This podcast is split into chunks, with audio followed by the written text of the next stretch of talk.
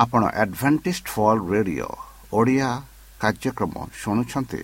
ଅଧିକ ସୂଚନା ପାଇବା ପାଇଁ ଆମ ସହ ସଂଯୋଗ କରନ୍ତୁ। ଏକ ଆଠ ଶୂନ୍ୟ ଶୂନ୍ୟ ଆଠ ତିନି ତିନି ଦୁଇ ଦୁଇ ତିନି ଏକ କିମ୍ବା Bible at the rate of A W R dot O R G ଏହା Adventist World Radio Voice of Hope ଜୀବନଧାରା।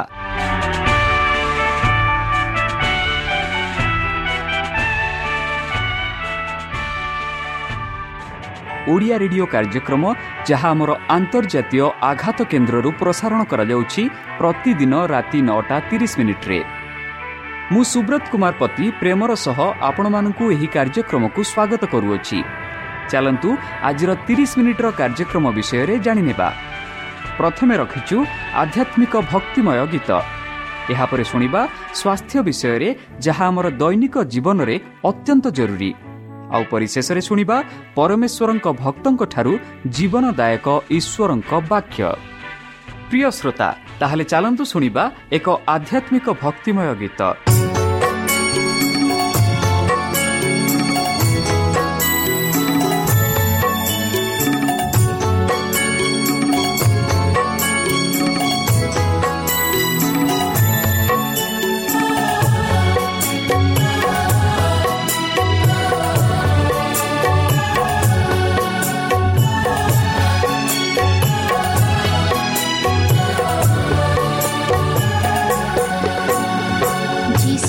ঝুমি মো জীবন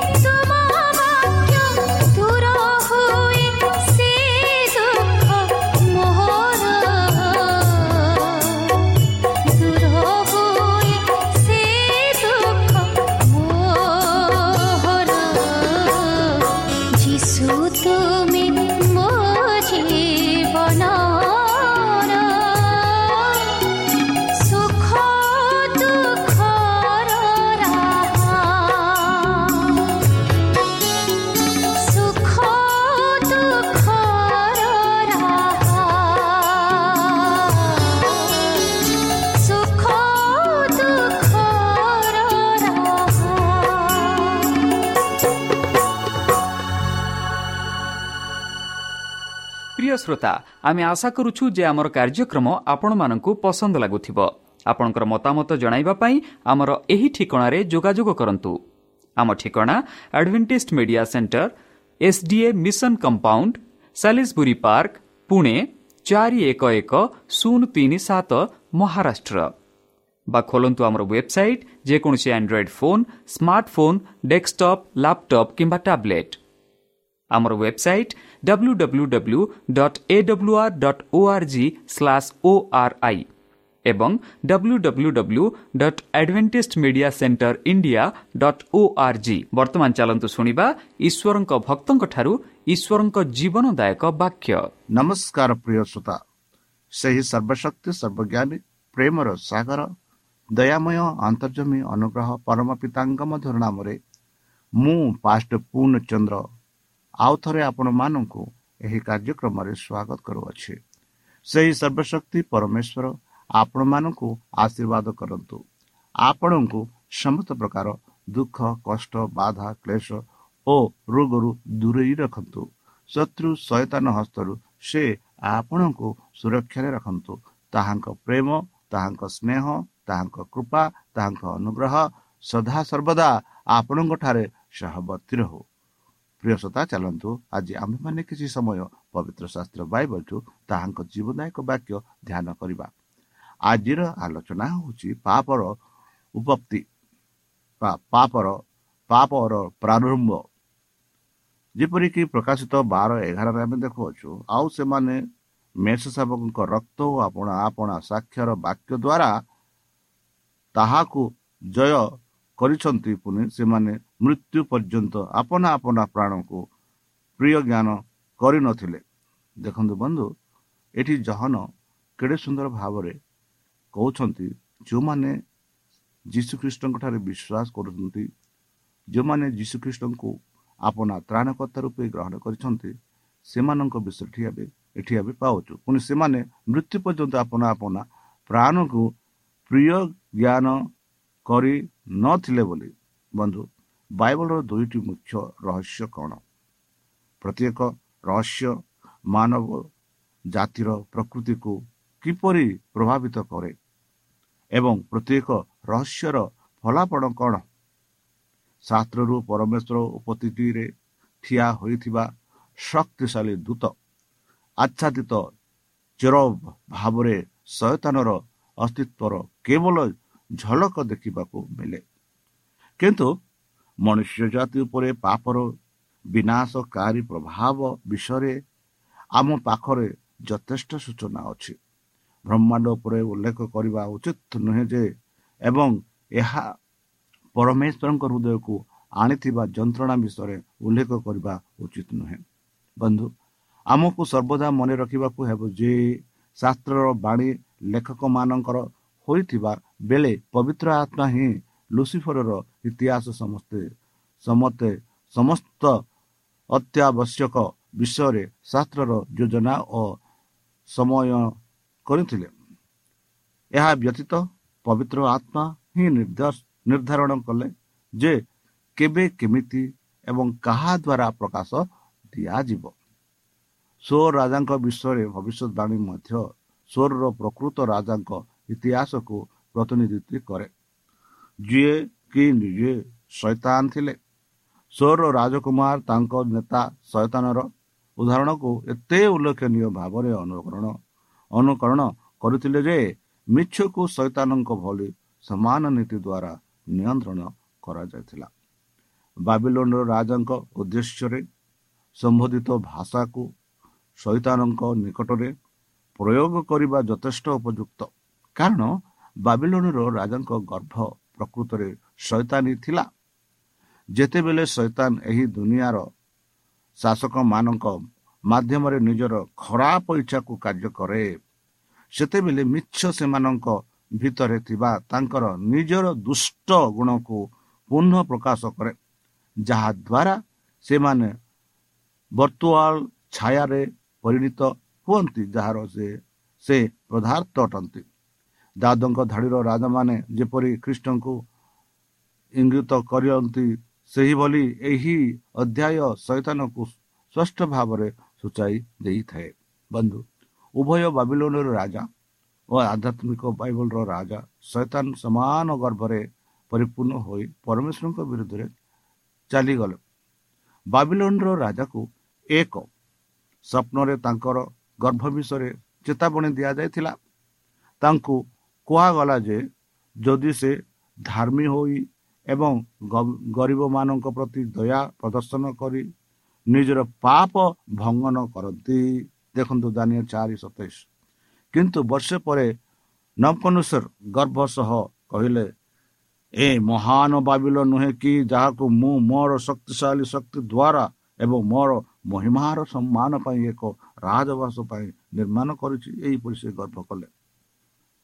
ତେବେ ସାତ ବର୍ଷ ଧରି ସିଂହାସନ ହରାଇବା ପରେ ସେ ପୁଣି ରାଜା ହେଲେ ଏବଂ ପରମେଶ୍ୱରଙ୍କୁ ପ୍ରଶଂସା କଲେ ଏବଂ ସବୁଦିନ ପାଇଁ ବଞ୍ଚିଥିବା ତାଙ୍କୁ ସମ୍ମାନ ଜଣାଇଲେ।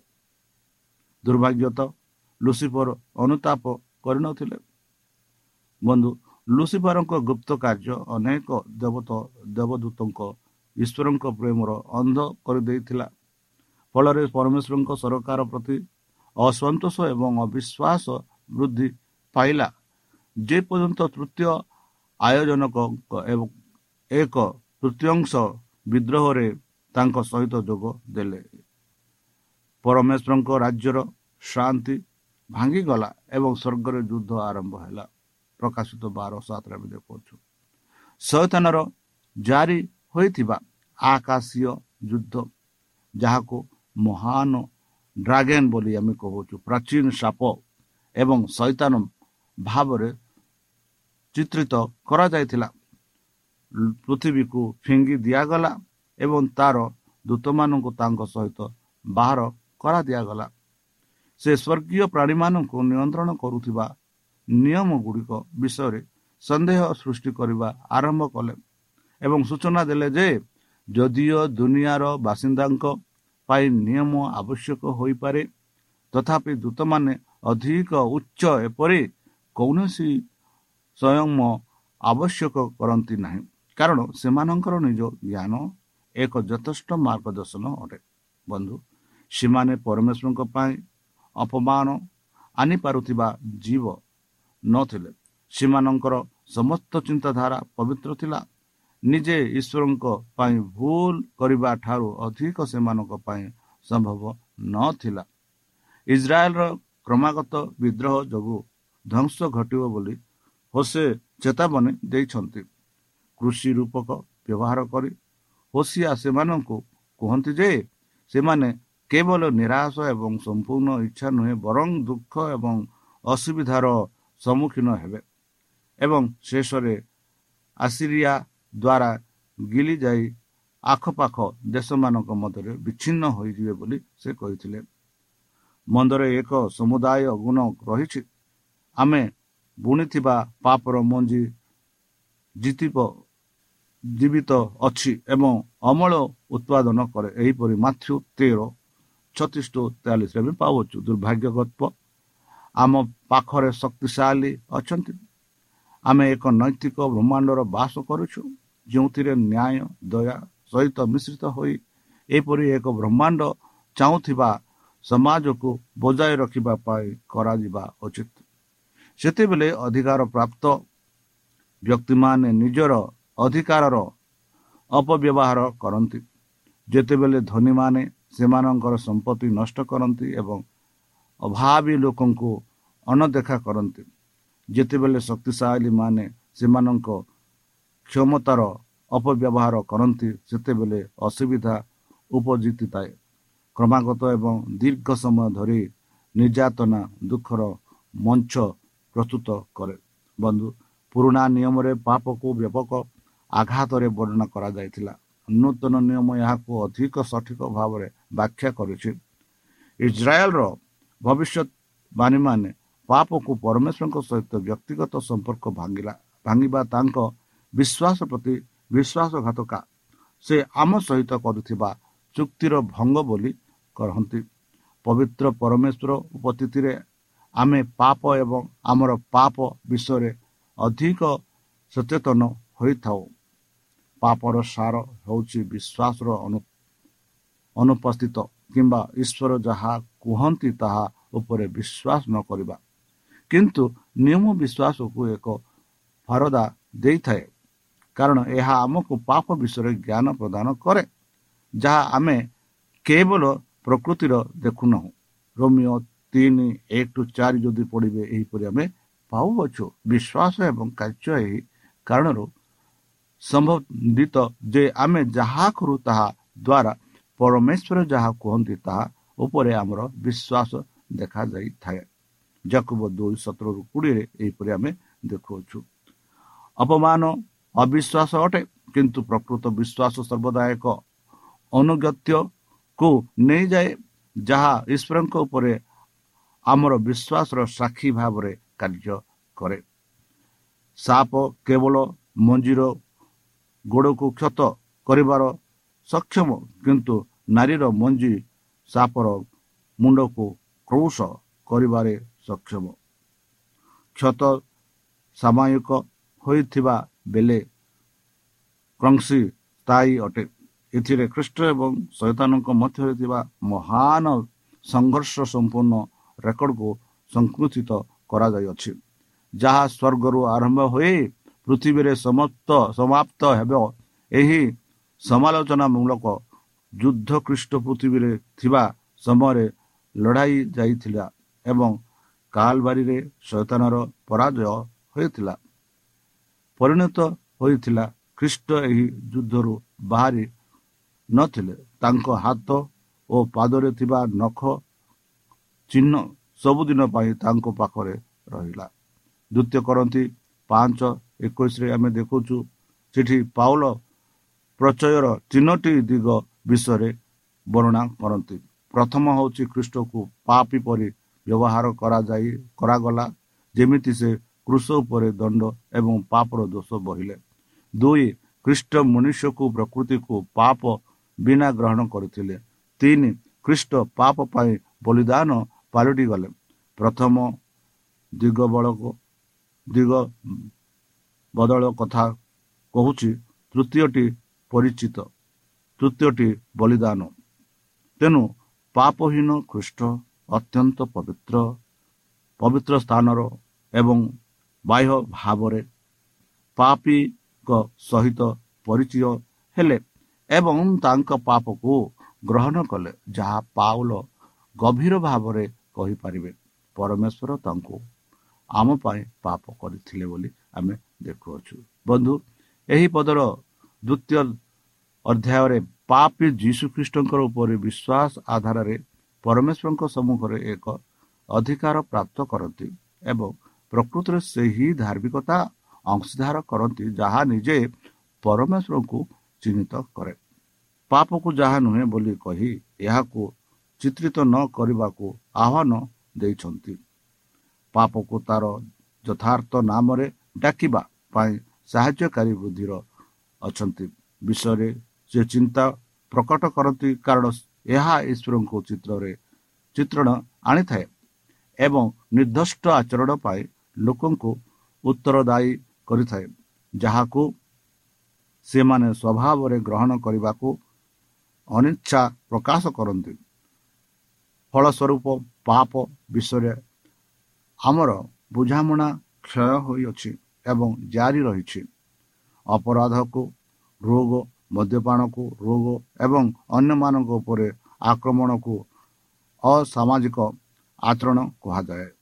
ଏପରି ବର୍ଗୀକରଣ ଲୋକମାନଙ୍କ ସ୍ୱୀକାର କରିବାକୁ କରିବାରୁ ମୁକ୍ତ କରେ ଯେ ସେମାନେ ମଧ୍ୟ ପରମେଶ୍ୱରଙ୍କ ବିରୁଦ୍ଧରେ ପାପ କରୁଛନ୍ତି। ଏହା ତଥାପି ସତ। ଯେ ପୃଥିବୀର ସବୁଠାରୁ ବଡ଼ ଇଚ୍ଛା ହେଉଛି ପୁରୁଷମାନଙ୍କର ଅଭାବ ଯେଉଁମାନେ କିଣା ଯିବ କିଣା ଯିବ ନାହିଁ କିମ୍ବା ବିକ୍ରି ହେବ ନାହିଁ। ଯେଉଁମାନେ ସେମାନଙ୍କ ଅତ୍ୟନ୍ତ ଆତ୍ମାର ସତ ଏବଂ ସଚୋଟ ଯେଉଁମାନେ ପାପକୁ ଏହାର ସଠିକ ନାମରେ ଡାକିବାକୁ ଭୟ କରନ୍ତି ନାହିଁ। ଯେଉଁ ପୁରୁଷମାନଙ୍କର ବିବେକ ମେରୁରେ ଶୁଇ ପରି କର୍ତ୍ତବ୍ୟ କରି କର୍ତ୍ତବ୍ୟ ପ୍ରତି ସଚୋଟ ଅଟେ ଯେଉଁମାନେ ଆକାଶ ଖସିବା ସତ୍ୟ ଅଧିକାର ପାଇଁ ଠିଆ ହେବେ। କ'ଣ ଆପଣମାନେ ସେହି ଅଧିକାର ପାଇଁ ଠିଆ ହେବାକୁ ଇଚ୍ଛା କରୁଛନ୍ତି କି?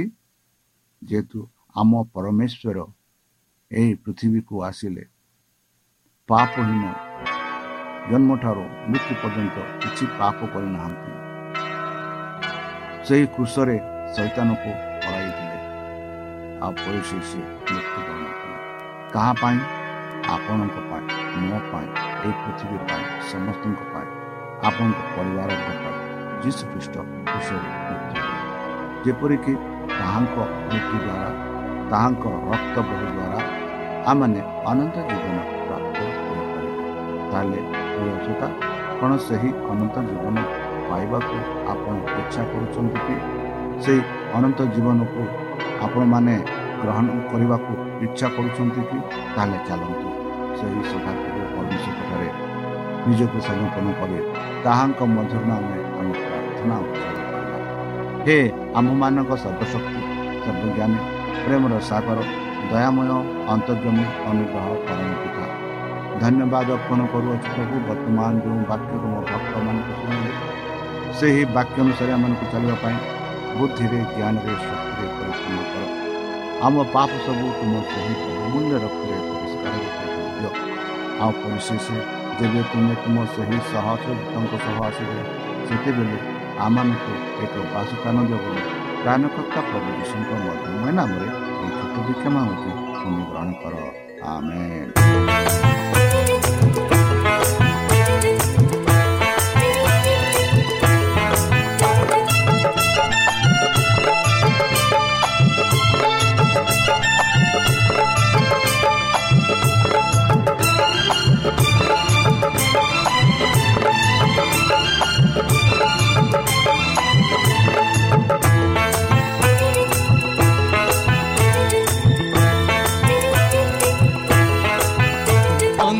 ଅନ୍ଧକାର ଘେରା ଏ ଧରାରେ ମୁକତିର ଦୀପ ଜଳାଇବା ଅନ୍ଧକାର ଘେରା ଏ ଧରାରେ ମୁକତିର ଦୀପ ଜଳାଇବା ଗ୍ରାମରେ ନଗରେ ଗିରି କନ୍ଦରରେ ଗ୍ରାମରେ ନଗରେ ଗିରି କନ୍ଦରରେ ଜାଳିବା ଲଜିତ ନହିବା ଅନ୍ଧକାର ଘେରା। ଏ ଧରାରେ ମୁକତିର ଦୀପ ଜଳାଇବା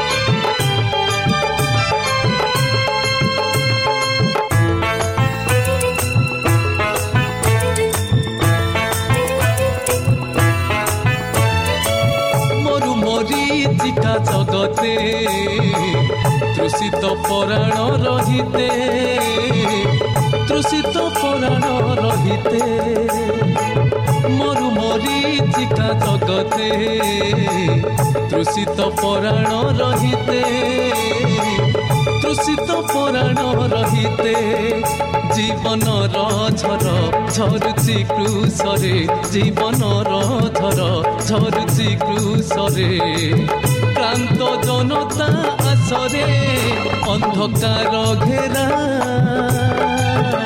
এ ধরারে মুকতির দীপ জড়াইবা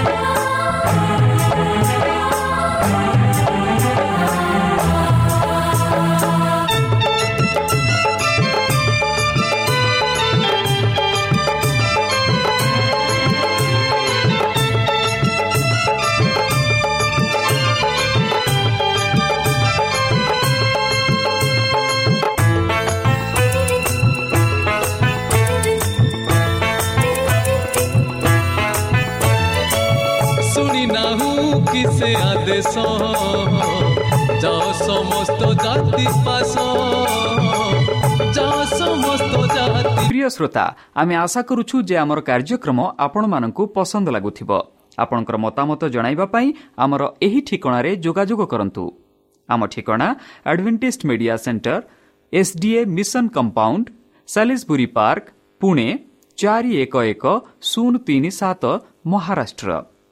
বা ଖୋଲନ୍ତୁ ଆମର ୱେବସାଇଟ୍ ଯେକୌଣସି Android phone smartphone desktop laptop କିମ୍ବା ଟ୍ୟାବ୍ଲେଟ୍ ଆମର website W W W dot A W R dot O R G slash O R I ଏବଂ W W W dot advantage media centre India dot O R G advantage media centre ଇଣ୍ଡିଆର spelling ହେଉଛି A D V E N T I S T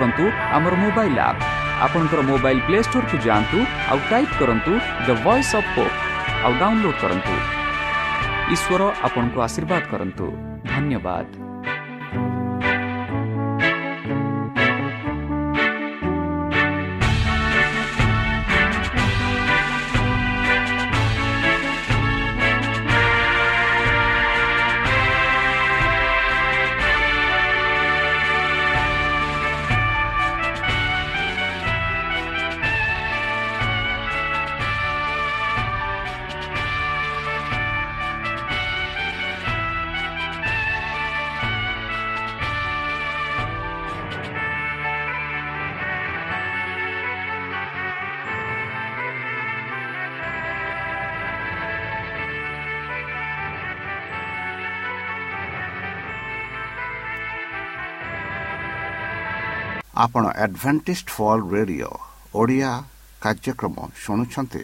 ଅଧିକ ସୂଚନା ପାଇବା ପାଇଁ ଆମ ସହ ସଂଯୋଗ କରନ୍ତୁ।